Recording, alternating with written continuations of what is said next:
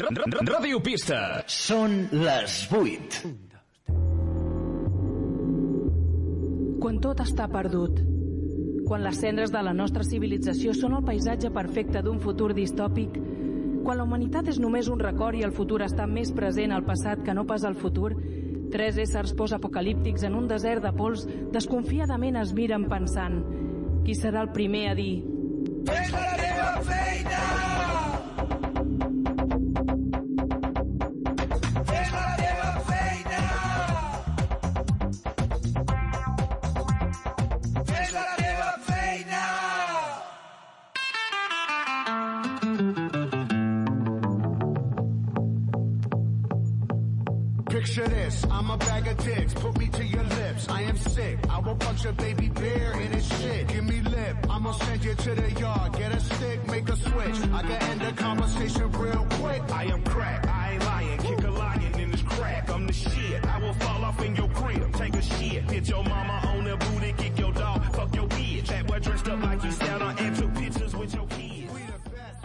Benvinguts una vegada més a Fes la teva feina, un programa que he presentat si avui fóssim la noia que plora dins del seu cotxe perquè no té bateria al seu mòbil nou.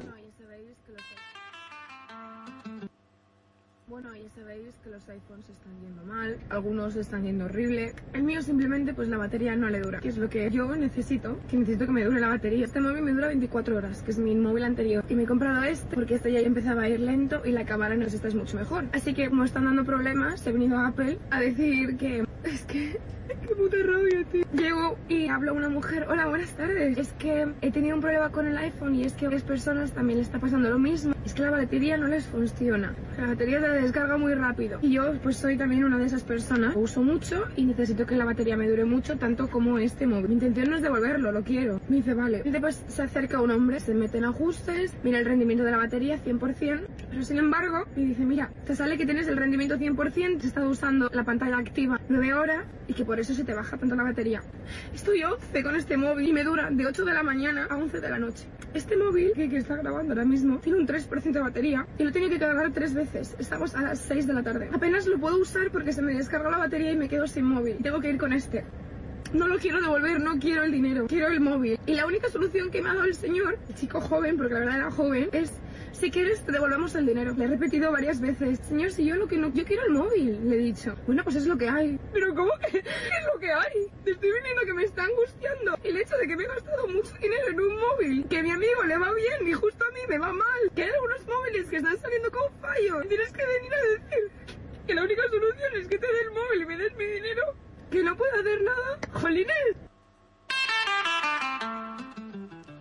Doncs bé, avui canviem una mica la forma de l'entradeta, perquè encara no som ni tres i jo no conto per res i per ningú.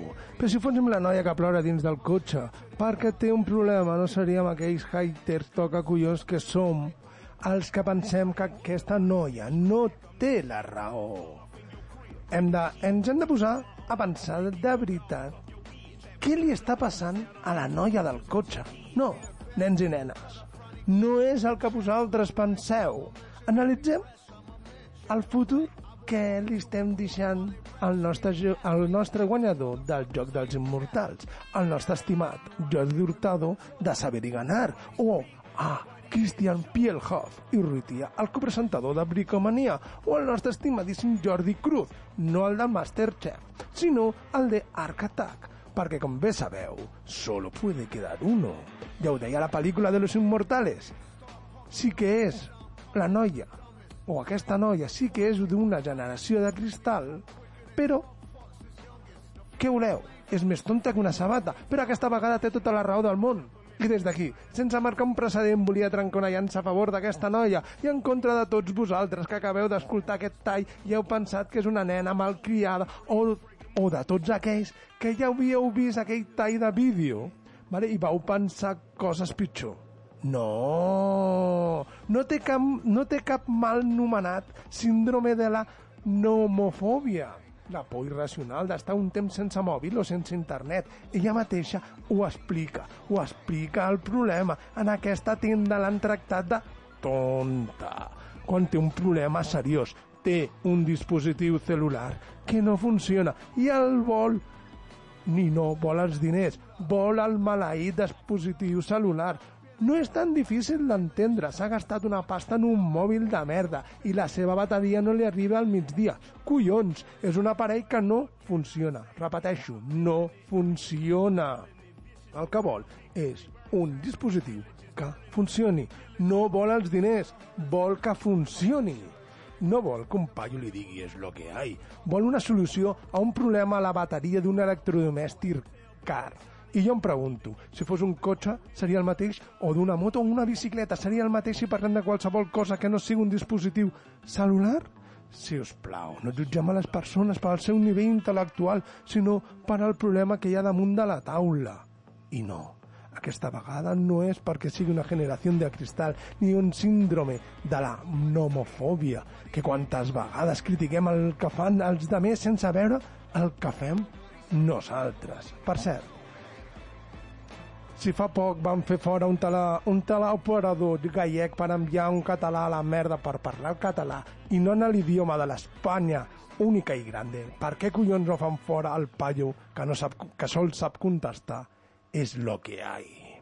Respecte a respecte i ganes de treballar bé, si plau. I parlant de feina, i parlant de feina, millor dit, perdoneu.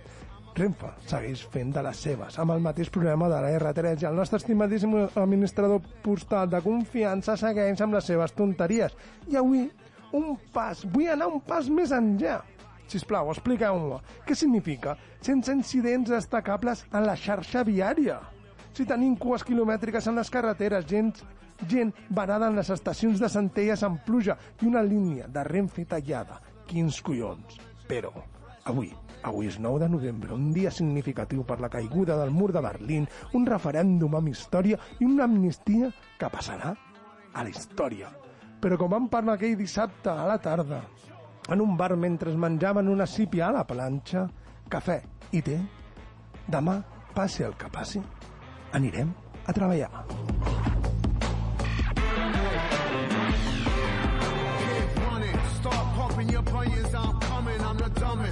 I ara sí, abans de començar ens trobarem a totes les xarxes socials sempre buscant fer la teva feina on podeu deixar la vostra opinió i la vostra crítica. I per tots aquells menuts de la casa que vulguin passar una tarda al cine xic d'Hostalets de Balanyà encara està obert el sorteig de dues entrades per la pròxima sessió de l'Ateneu de Balanyà sempre que empareu i em doneu una entradeta per al nostre programa. I ara sí, ara comencem. I durarà el programa el que tingui que durar. Sempre quedarà la música de veure, ara. Al cobra, la mangosta es el mejor animal. La mangosta mata a la cobra. La mangosta es el mejor animal. Mangosta, ¿Sabe lo que es la mangosta? Es un mamífero roedor. mangosta. Mangostese si quiere recoger, mandíbese si quiere recoger, mandíbese si quiere recoger. Mangosta. Mandíbese si quiere recoger, mandíbese si quiere recoger. Hoy en Mangosta. De Halloween a la castanyada. Dues tradicions, dues històries.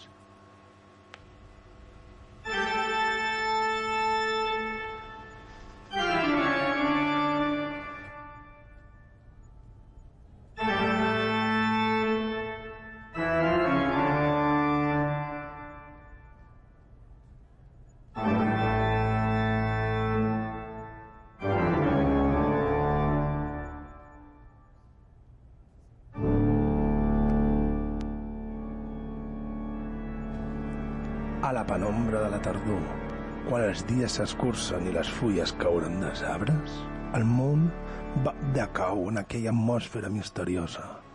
És en aquell moment quan les antigues tradicions prenen vida, connectant el present amb el passat. Avui us convidem a explorar dues festivitats emblemàtiques que encarnen l'essència de la temporada.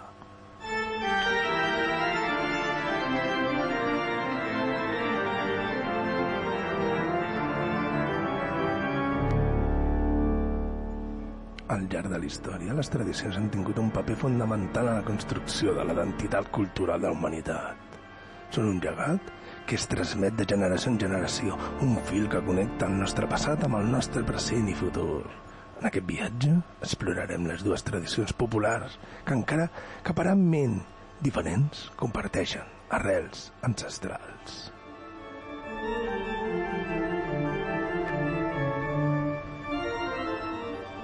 En una part del món trobarà riara, rialles d'expresses i carbasses tallades en allò que s'ha convertit en una de les festivitats més conegudes, el Halloween. A l'altra banda, la calidesa de la família, l'aroma de les castanyes rostides al foc lent, on omplen l'aire de fum i una olor característica en una celebració anomenada la castanyada.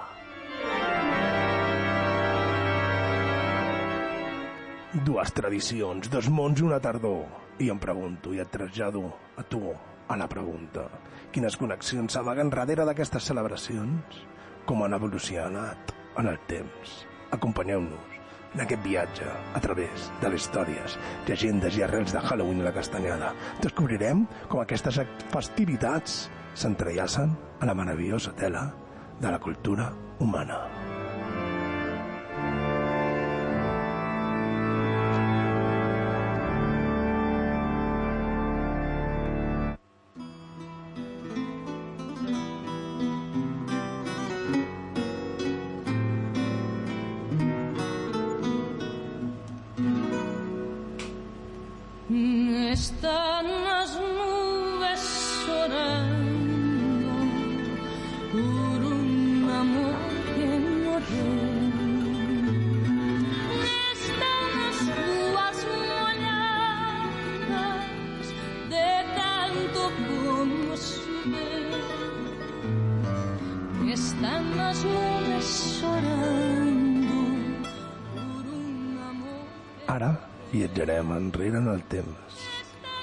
Terres verdes i místiques de l'antiga cultura cèltica, on neix la història del Halloween. Perquè avui, el, per al que avui coneixem com Irlanda, Escòcia i part de, Galis, de Gàlia. Els celtes celebraven una festivitat anomenada Samaín, la paraula que significa fi de l'estiu. El Samaín marcava el final de la temporada de la collita i el començament de l'hivern. Els celtes creien que durant aquesta època els límits entre el món dels vius i el món dels morts es desdibuixaven. S'obria algun, alguna porta o algun portal que feia permetre que els espírits dels morts tornessin a la terra.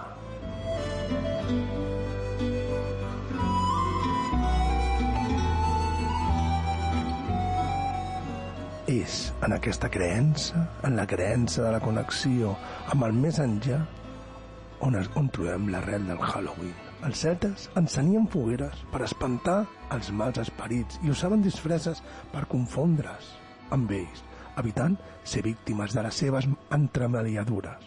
La tradició de les disfresses, com he dit, té profundes arrels al Samaín i és el que manté viva la celebració moderna del Halloween. Dame vida que teu doce amor Dame alento que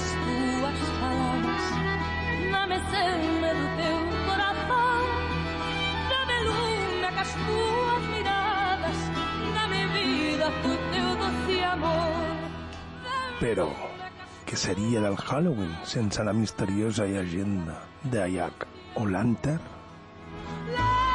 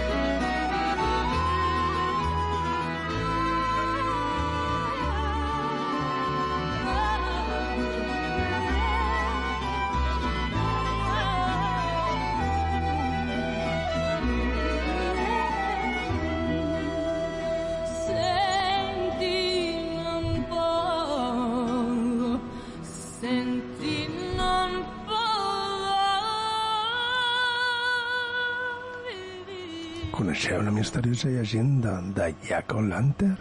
No? No us preocupeu, per això estic jo, aquí. Diu la llegenda que Jack era un granger astut i bevedor i va fer un pacte amb el dimoni.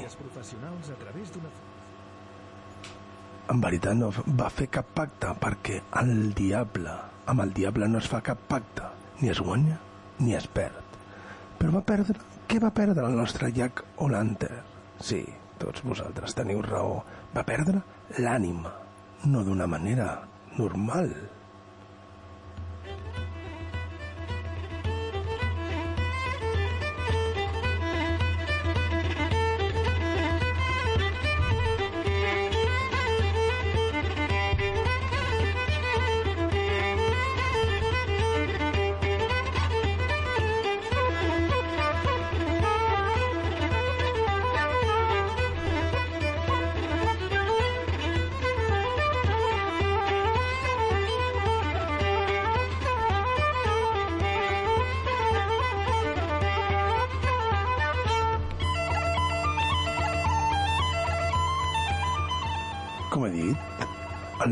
Nostre personatge, Jack, era un bevedor, i no sols bevedor normal, era un jugador de cartes, un trampós i un cràpula, com he dit, molt intel·ligent. Quan no estava dormint sota els efectes de l'alcohol, un dia normal d'una persona es va curt... Bueno, un dia normal d'una persona que es passava el dia entre trampes, dones i alcohol. Un altre home es va presentar com un dels molts, de molts dimonis de l'infern. Li venia li venia a reclamar la seva ànima. Aquella ànima que tantes vegades havia venut per poder pagar els deutes, l'alcohol i les seves festes. Així que Jack mira aquell dimoni i li demana fer l'últim glob. I com no té diners, li demana al, dim al dimoni que es converteix en moneda i que pagui ell, que sigui el pagarí d'aquella nit, d'aquella última nit. Una vegada convertit en moneda, Jack amaga l'amaga a la butxaca de la camisa al costat de la petita creu que porta al coll. Catòlic? No sé si era, però creient, si voleu, sí. I el dimoni, entre plors i crits, demana pietat. Jack no és tonto, com he dit, i pacta amb ell que el deixa en pau almenys durant 10 anys.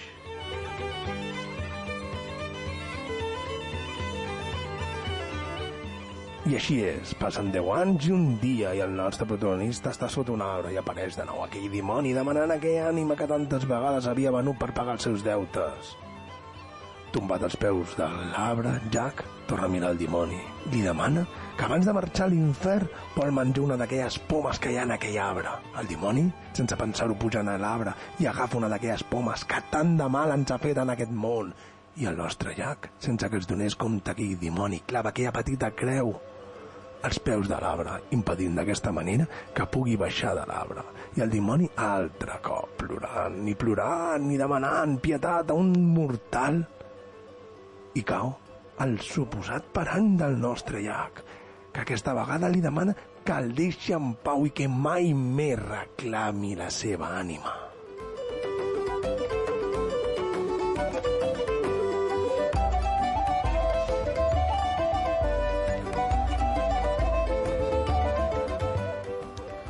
Amb el temps, com tu com jo, ens ens fem grans i el temps s'atura per tothom. Així que quan Jack va morir, ni en el cel amb Sant Pere a la porta el va deixar entrar, perquè no era lloc per ell, per una persona tan dolenta i tan caràpula com ell. A l'infern tampoc el van voler acceptar.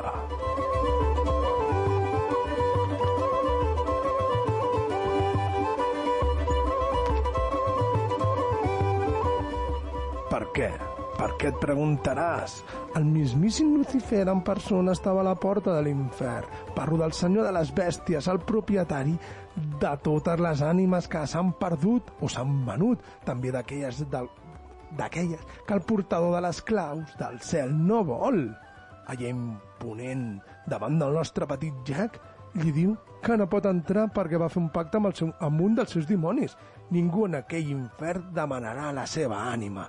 Així que es va quedar entre el cel i l'infern, errant a la foscor, com a premi per al seu pacte amb aquell dimoni d'aquell infern. Això sí, el mismíssim Lucifer va tenir pietat d'ell.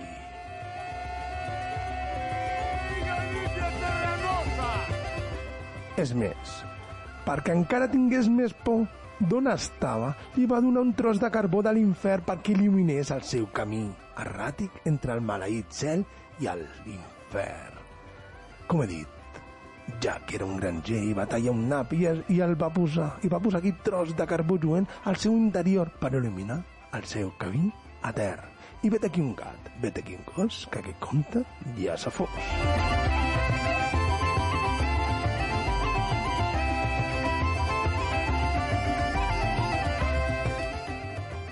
Amb el temps, la tradició dels naps es va reemplaçar per carbasses perquè eren més grans i més fàcils de tallar. Avui dia, que tallar carbasses en forma esgarrifosa és una de les tradicions més estimades de Halloween, però encara no ha fet arrel en la nostra terra. Però així neix Halloween, una celebració que honra la connexió entre els vius i els morts, el misteri i la imaginació que encara ens sorprèn actualment. Però continuem amb el nostre viatge aquesta nit o aquella nit, perquè això és un programa atemporal i misteri. dando luz a la luna donde se mira el sol y la luna quedan nublados cuando A mesura que les dècades i els segles van passar, Halloween va començar a viatjar més enllà de les costes cèltiques, portant amb si les tradicions i llegendes. La diàspora irlandesa i escocesa a Amèrica del Nord va jugar un paper fundamental a la difusió del Halloween a nivell mundial. Amb el temps, Halloween va evolucionar, absorbint influències de diverses cultures i regions. La fusió de tradicions europees i africanes a Amèrica va donar lloc a les festivitats del Dia dels Morts a Mèxic, on s'honra a l'ésser estimat, els morts, encara que Halloween s'ha convertit en un festival conegut en tot arreu o tot el món, és important destacar que la seva essència original està arrelada en la idea d'honrar els morts, similar a la tradició de la castanyada a Catalunya.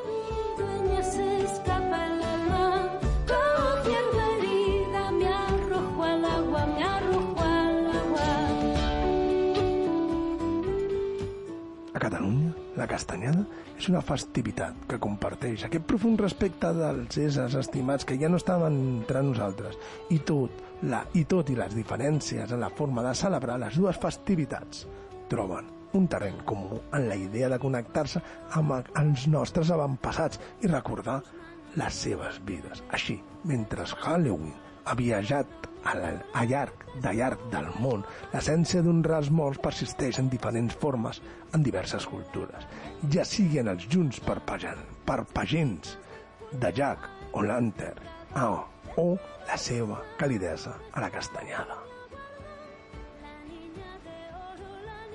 niña de plata el sol y la luna d'aquesta pàtria En aquest viatge per les tradicions de tardor hem, hem vist com el misteri i la reflexió s'entrellacen entre Halloween i la castanyada, amb les dues festivitats, encara que diferents, a les seves manifestacions comparteixen un profund respecte per la memòria dels nostres éssers estimats.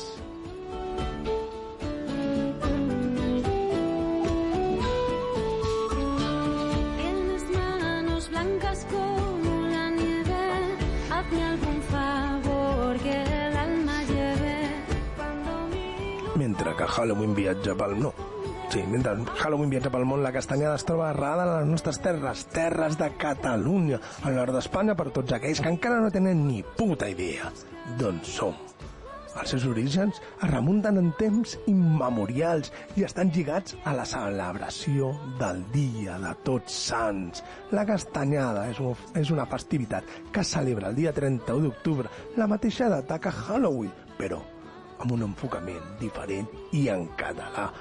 Un dels elements més emblemàtics de la castanyada és la seva figura. És la figura de la castanyera. La història de la castanyera és una llegenda que ha passat de generació en generació. S'explica que a les nits de tardor una misteriosa anciana que passejava pels carrers de Catalunya oferint castanyes rostides als nens i als transeunts que hi havien. Es diu que la seva generositat conté... Perdoneu, eh? Es diu que la seva generositat conté un missatge d'agraïment per la collita i l'abundància, una de les moltes històries que corren per al nostre país sobre la castanyera és la que t'explicaré ara.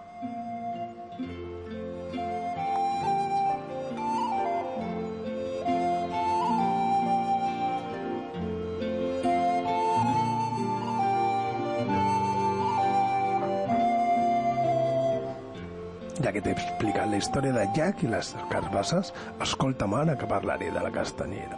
Hi havia una vegada, en un petit poble, de molts pobles que hi ha a Catalunya, una dona gran, coneguda com la castanyera. Al llarg dels anys s'havia guanyat aquest nom a causa del cor amable i la generalitat entre els altres. La vigília de la castanyada, la castanyera preparava per un rostit de castanyes i moniatos. Mentre es cuinava, la gent del poble començava a apro- a apropar-se pel deliciós aromes que hi havia en tot el poble.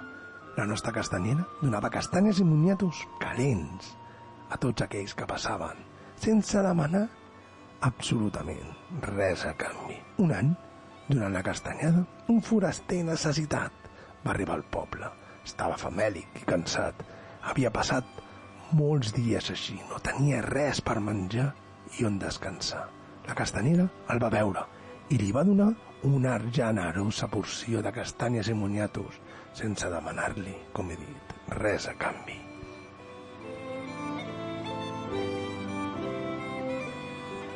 L'home, agraït, li va preguntar si podia fer alguna cosa per ella, a canvi, però la dona només li va demanar que compartís el seu menjar amb aquells que ho necessitessin en el, seu, en el futur. El foraster, content per aquell gest d'aquella dona, va sentir i va prometre seguir l'exemple de la castanyera. A partir d'aquell dia, la tradició de compartir menjant durant la, menjar durant la castanyada es va convertir en un costum arrelat al poble i es va transmetre a les futures generacions.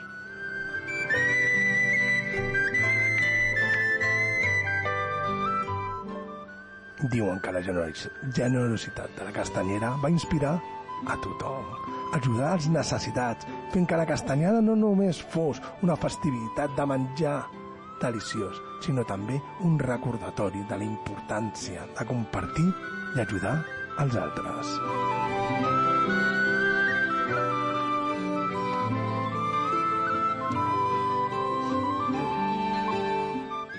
La celebració de la castanyada és una festivitat plena de sabor i tradició.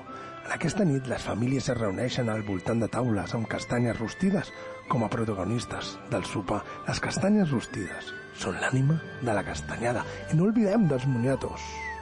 Això sí, això sí, hi ha gent que se'n menja amb sucre.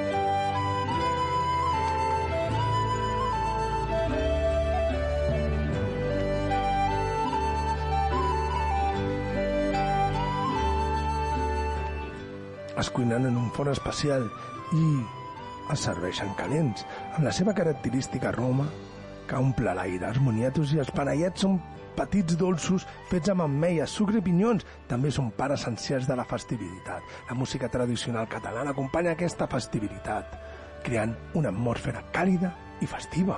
Les cançons i els balls tradicionals són una part fonamental de la castanyada, omplint la nit d'alegria amb la família. La castanyada és una celebració d'abundància, la unió familiar i l'agraïment per la collita. En aquesta tradició trobem una profunda connexió amb la terra, la història i les arrels de Catalunya. A Catalunya, l'arribada de la tardor és un motiu de celebració amb la castanyada, com he dit, una festivitat arrelada a la cultura i a la història d'aquesta terra. Tot això, la influència del Halloween també s'ha deixat sentir amb molta força encara que les escoles es moguin per evitar aquesta inclusió d'altres països. Mármora, marmoradora, mármora de minutos, es una silla en un fermo para un poco, es una silla en un fermo, mármora. A, diferent de, de, a diferents regions de Catalunya, les dues festivitats coexisteixen.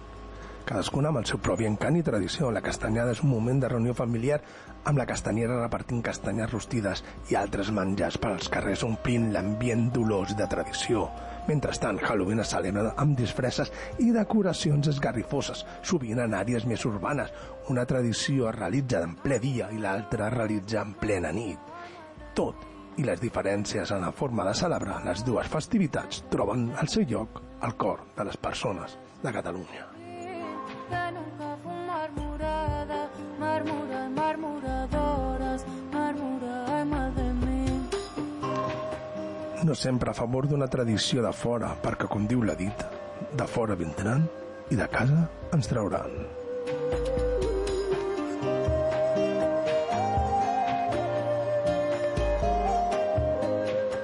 Per exemple, és comú veure els carrers adornats amb carbasses, que no passen castanyes.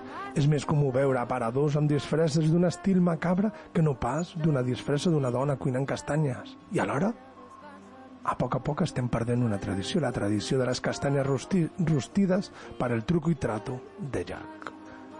Amb les dues festivitats, amb les seves respectives arrels culturals i tradicions, il·lustrem co- com la gent troba maneres d'adaptar i enriquir les seves vides a través de la celebració i la reflexió de la tardor.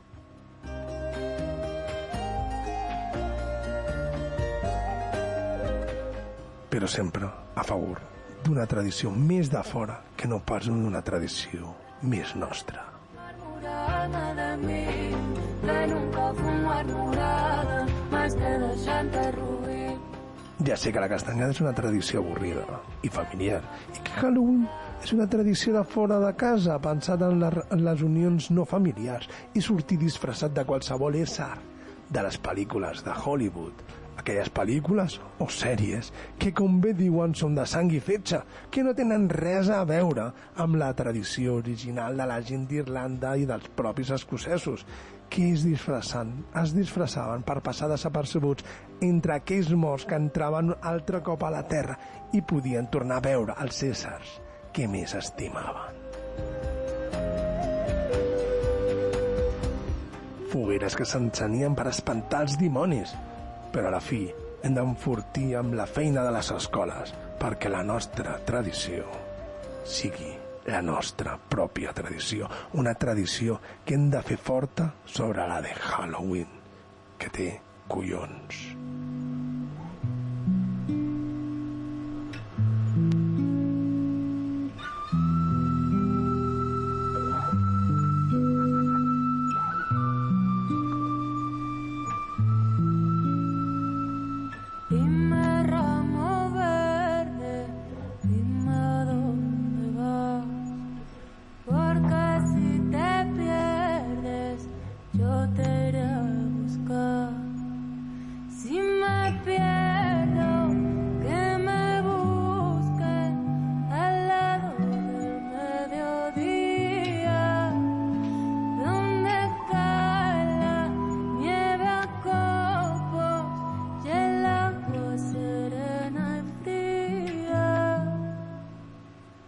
Abans d'acabar el, amb el programa d'avui, per tots aquells que no sapiguen l'origen de les castanyes i dels moniatos, escolteu-me.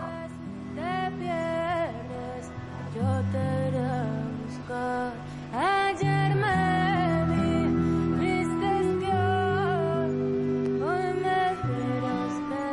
Les castanyes han estat un tresor culinari de Catalunya durant molts segles. La seva història entrellaçada amb la gent que habitava en aquestes terres al llarg del temps. Les castanyes són un aliment fonamental durant la tardor, tant a la gastronomia com en la nostra cultura. La seva història es remunta als temps dels romans, que les van introduir a la nostra regió.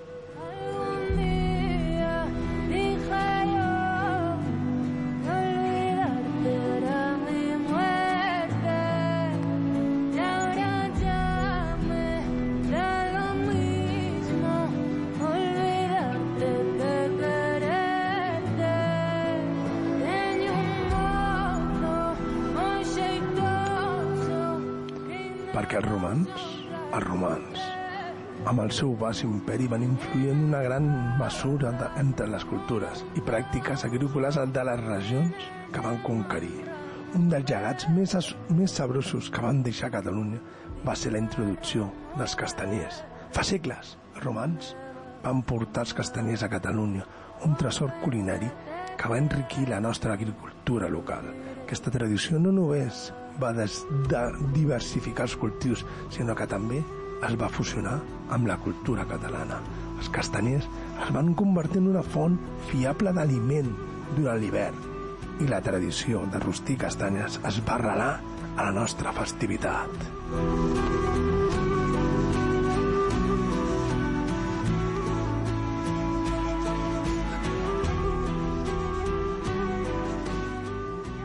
La castanyada, per tant, la introducció dels castanyers a Catalunya per romans és part de la, de la història de l'agricultura i la cultura de la, de la regió i és un dels factors que van contribuir al ressorgiment de la festivitat de la castanyada i la tradició de rostir, de rostir castanyes a Catalunya. Així que la petjada dels romans a Catalunya perdura en la tradició gastronòmica i en la celebració de la castanyada. Un, record, un recordatori com la història agrícola i cultural poden estar entrellaçades a la identitat d'una regió.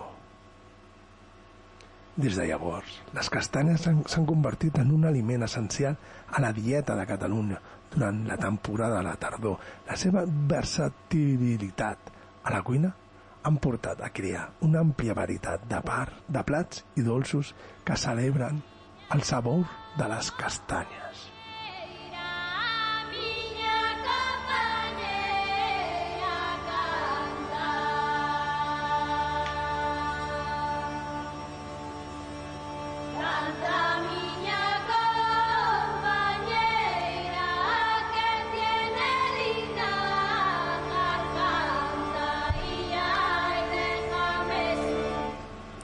Importància de les castanyes en l'alimentació reflecteix en la seva presència en la festivitat, com la castanya.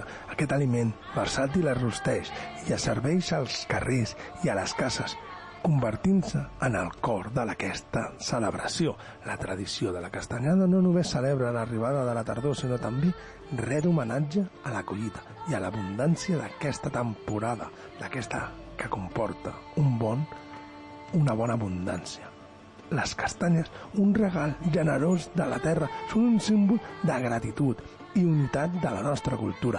Així les castanyes, amb la seva història rica i el seu sabor deliciós, s'han convertit en un element essencial a la taula durant la tardor, principalment del dia 31 d'octubre, un testimoni de l'estreta relació entre l'home i la natura.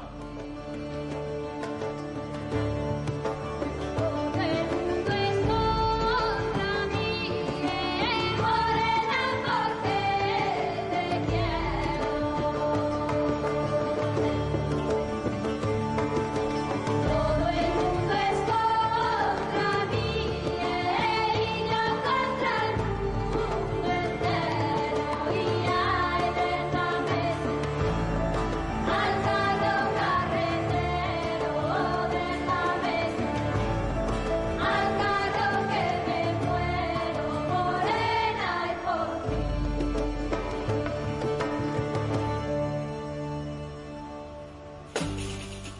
També hem de recordar els moniatos, també conegut com batates en algun joc.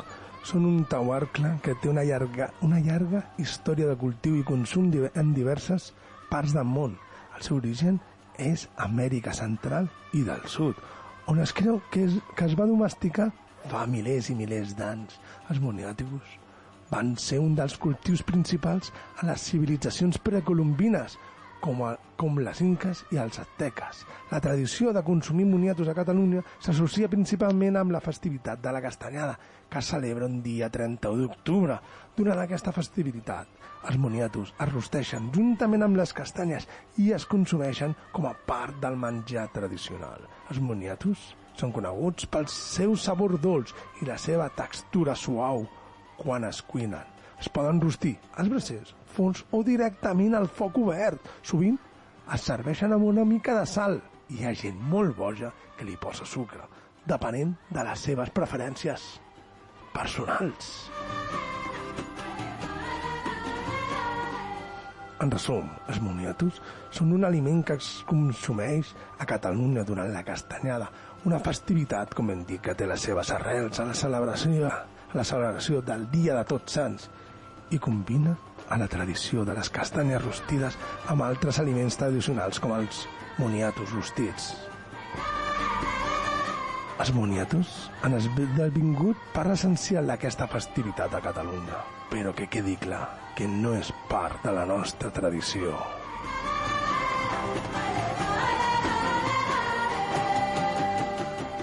Va ser, van ser introduïts una vegada que es va descobrir les Amèriques per aquell home que encara no sabem si era català, gallego o italià.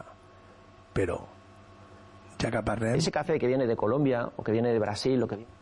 Però ja parlarem d'un altre dia d'ells, així que les castanyes amb la seva història rica i de sabors deliciosos s'han convertit en un element essencial a la taula a Catalunya durant tota la tardor un testimoni de l'estreta relació entre els homes i la naturalesa. A mesura que arribem al final del nostre viatge a través de les festivitats de Halloween i la castanyada, és molt important reflexionar sobre les diferències i les similituds que hem de que hem explotat, ai, explorat en aquestes dues tradicions.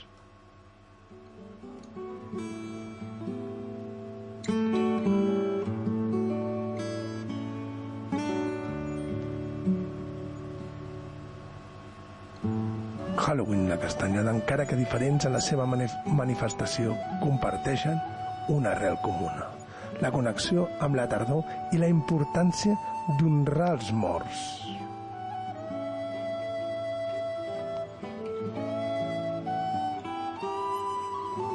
Amb les dues festivitats trobem maneres úniques d'expressar aquesta connexió, ja sigui a través de disfresses esgarrifoses o de castanyes rostides. Però aquesta dualitat ens recorda que les tradicions culturals no són estàtiques, sinó que evolucionen amb el temps i s'adapten a les circumstàncies. Les festivitats que avui coneixem són el resultat d'una llarga evolució al llarg dels segles, influïdes per diferents cultures i èpoques. Aquesta adaptabilitat és un testimoni de la vitalitat de l'herència cultural.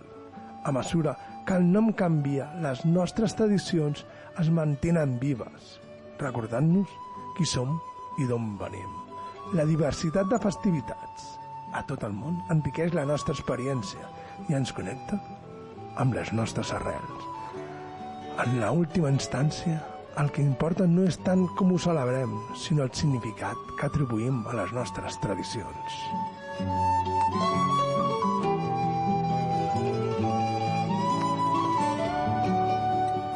Ja sigui Halloween o la castanyada, aquestes festivitats ens permeten recordar el que han partit.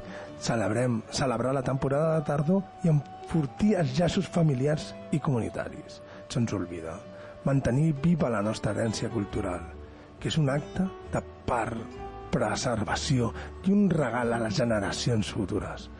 A mesura que avancem amb el temps, recordem la riquesa de les nostres tradicions i la bellesa de la diversitat cultural que ens envolta. Ara sí, la, festivitat de Halloween i la castanyada són dues cares de la mateixa moneda reflectint la riquesa de la cultura i la capacitat de la humanitat per adaptar-se, celebrar i recordar.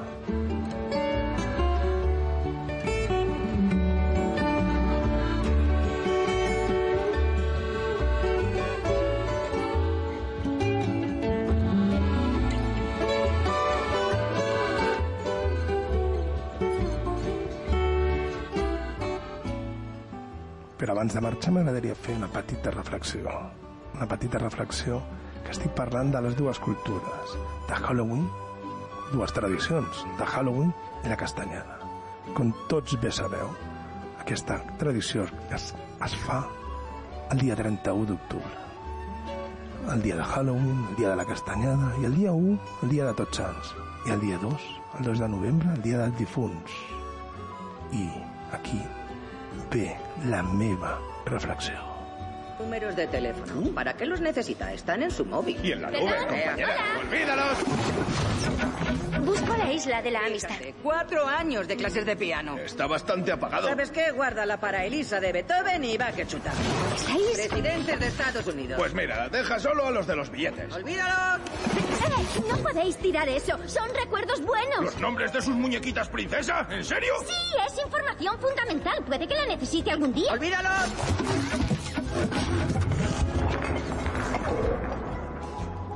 ¡Eh! ¡Recuperadlos! Están en el vertedero y nada vuelve del vertedero. Oye, guapa, este es nuestro trabajo. Cuando Riley pasa de un recuerdo, se apaga. ¿Se apaga? Les pasa a todos. Menos a este campeón. Este jamás se apagará.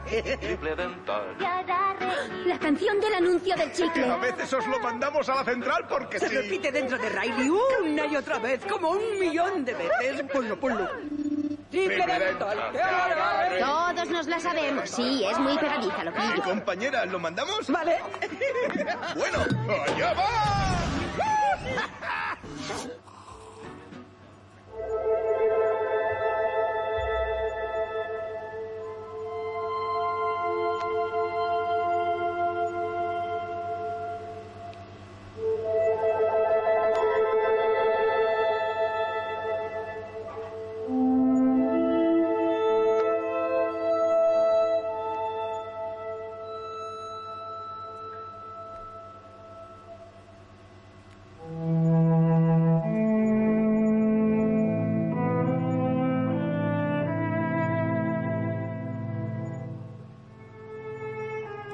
D'escoltar l'escena de la pel·lícula al revés, una pel·lícula de Pixar.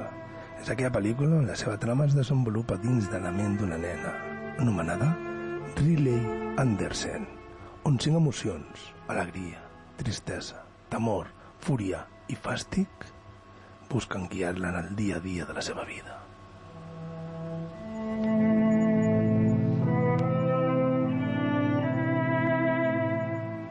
Una pel·lícula que amaga més del que, engany, de que ensenya.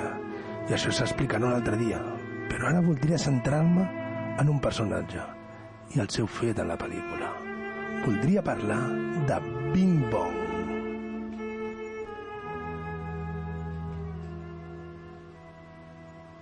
Per a aquelles persones que saben, que no saben ara mateix qui és. Bing Bong és l'amic imaginari del Ridley, que ja dins de la seva ment va ser creat per ella quan tenia 3 anys. Com a resultat, és ingenu. Tant el seu aspecte o personalitat. Per exemple, no sap llegir, coses que tenen els nens de 3 anys. El cos de Bing Bong es compon principalment de cotó de sucre. És part d'un gat, d'un elefant i un dofí. I plora dolços quan està trist.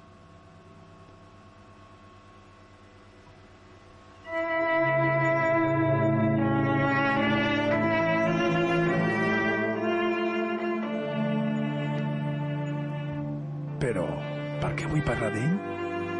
Vull parlar d'ell perquè per, per el que està passant últimament amb els adolescents de menys de 16 anys.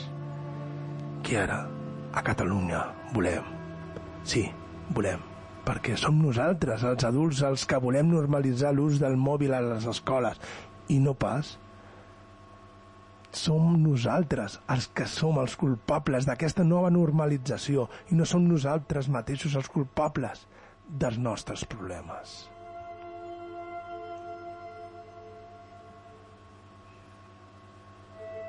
Els nens o els adolescents no tenen pas la culpa d'una cosa tan senzilla que ens passa als adults i cada vegada més se'n diu demència digital o més coneguda com el Alzheimer digital.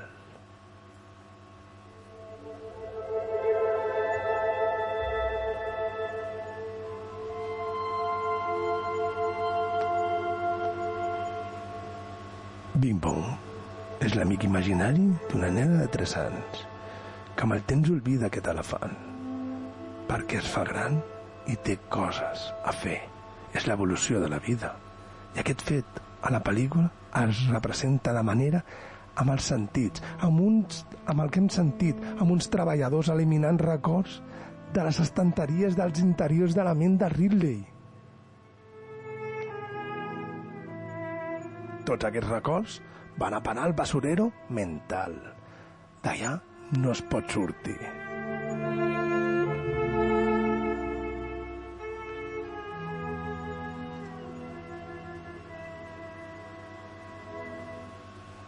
Què dic això? Perquè en el meu ecosistema, en general, està passant una mala època. Res que no es pugui arreglar amb el temps i una bona dosis de paciència. Però hi ha coses que no s'arreglen així com així. Per exemple, la demència digital o l'Alzheimer digital. No us preocupeu. Jo en tinc com tu també en tens. Tots i cada un de nosaltres en tenim d'això que anomeno demència o Alzheimer digital. I abans de continuar, voldria recordar que hi ha un curt o una pel·lícula de 15 minuts de durada que és brutal i està dirigida per un amic. Un amic que es diu de Dani Feixas. I si tot va bé, estarà amb nosaltres per explicar-nos coses de París 70, que és el nom de la pel·lícula. Una pel·lícula on reflexa l'Alzheimer d'una dona i el relat de les petites mentires del nostre dia a dia. Per més interès, aquesta pel·lícula és candidata als Premis Goya d'aquest any, bueno, del 2024. Però ja que parlem de petites mentires i de l'Alzheimer digital, si us plau, gent, jo no puc viure sense el meu mòbil, sense la meva digitalització del meu dia a dia. No puc viure. Sense ell no seria, seria un zombi que per terres, que aniria per terres sense electricitat magnètica, per falta d'informació de que cada dia hi guardo i de que cada dia, en rep. Però, si us plau, fa molts anys que esteu dins d'un dels meus experiments, d'una de les meves putes locures o com vulgueu dir-li. No, no t'enfadis, sisplau. És més, enriu-te. Enriu-te d'aquesta tonteria, enriu-te amb mi. Perquè estic demostrant que tenim demència. Demència o Alzheimer digital. T'explico per què. És molt fàcil.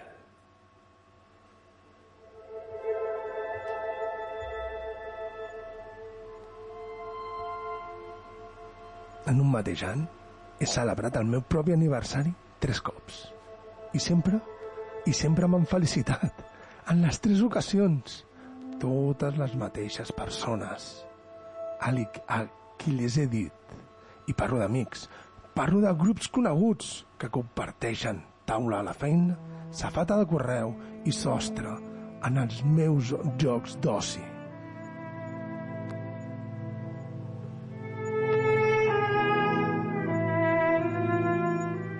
És increïble veure com es repeteix una vegada i una altra les mateixes felicitacions. Hi ha anys que solament celebro el meu compleany o el meu aniversari dues vegades. Hi ha, hi ha anys que no, que no celebro cap, però perquè jo ho demano, com ha sigut aquest mateix any.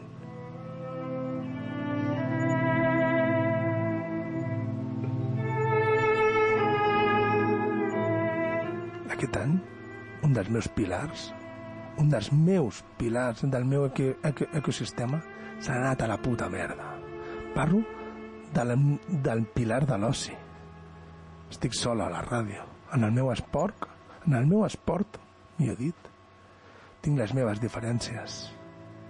Però sí, aquest any no has canviat el mòbil? Si us plau, agafa la safata d'imatges que proporciona aquell grup que tenim, aquell grup dels membres que portem anys, i tira, tira enrere, tira 360 dies enrere, si vols, 12 mesos, i si pots, 24 mesos, sempre i quan no hagis canviat el mòbil.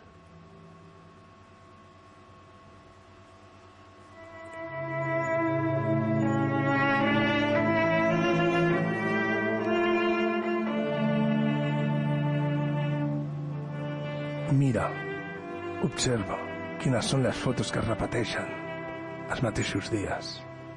Puc assegurar que hi ha una aquest mes que no es repeteix.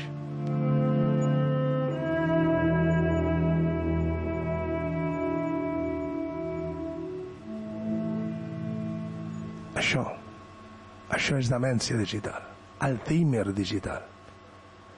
El fet de no apuntar-te la informació necessària per no oblidar-te de les coses. Entre elles, pensem que tot ho sabem, però necessitem de les noves tecnologies per ser el que som i no anar eràticament com un zombi per les terres sense electricitat, veient, veient com passa el dia.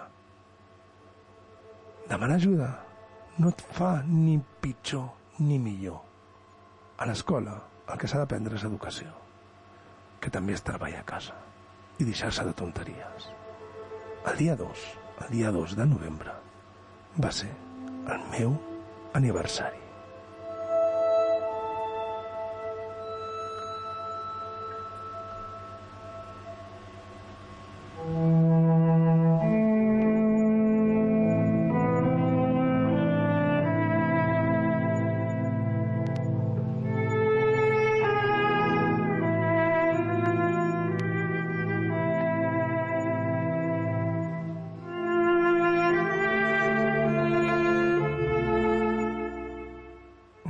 Perdonar, ni tu ni jo, aquesta demència o aquest Alzheimer digital.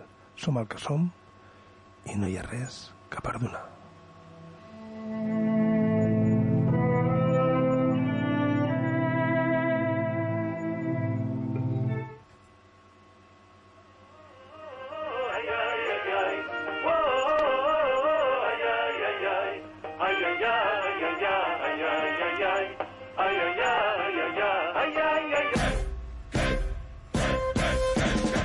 Serà llarga o curta la meva secció, t'agradarà o no, però és el que hi ha. I fins ara som el que som, no hi ha més. Així que deixem el, aquí el programa d'avui amb les dues tradicions, la de Halloween, la castanyada i la reflexió. L'entradeta, doncs no sé si m'ha agradat o no, però tu sabràs. I a més de marxant de recordar que ens trobarà a totes les xarxes socials sempre buscant. Fes la teva feina on pots deixar la teva opinió o la teva crítica. Recordant que encara està obert el sorteig de les entrades de Cine Xic a l'Ateneu de Balanyà per al primer, que em pari i em doni una entradeta per a aquest programa.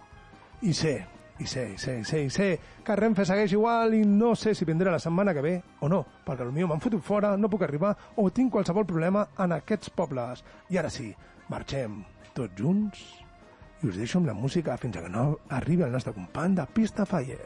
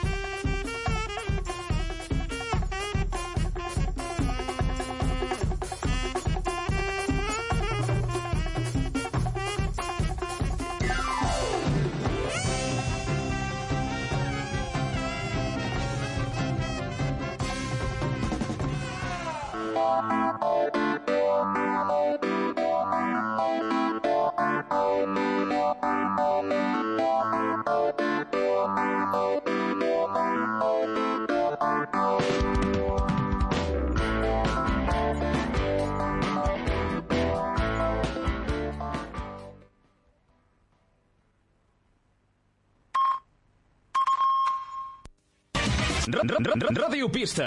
Són les 9. A Ràdio Pista no tenim pressa, però tampoc pausa. 45 minuts de música sense interrupció.